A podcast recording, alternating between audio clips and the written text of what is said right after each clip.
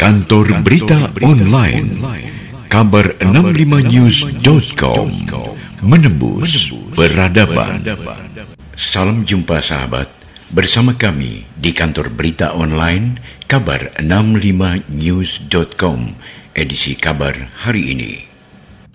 Sahabat, untuk mengembangkan wilayah pasar baru Sekretaris Daerah Kabupaten Ketapang, Kalimantan Barat, Alexander Wilio, telah memimpin rapat koordinasi antara organisasi perangkat daerah atau OPD terkait di ruang rapat Sekda Kantor Bupati Ketapang, Selasa 14 September 2021 pagi. Dalam rapat itu telah dibahas rencana pengembangan kawasan pasar baru supaya lebih optimal fungsinya dan berkontribusi signifikan terhadap pendapatan asli daerah atau PAD.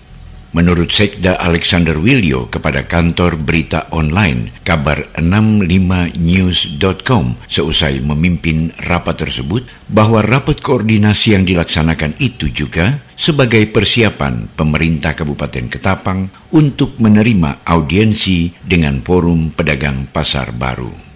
Demikian kabar hari ini. Kita akan jumpa kembali pada kabar-kabar lainnya di lain waktu dan lain peristiwa.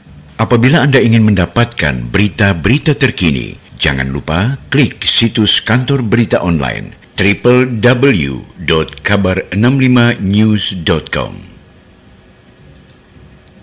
Kantor Berita Online Kabar65news.com Menembus Peradaban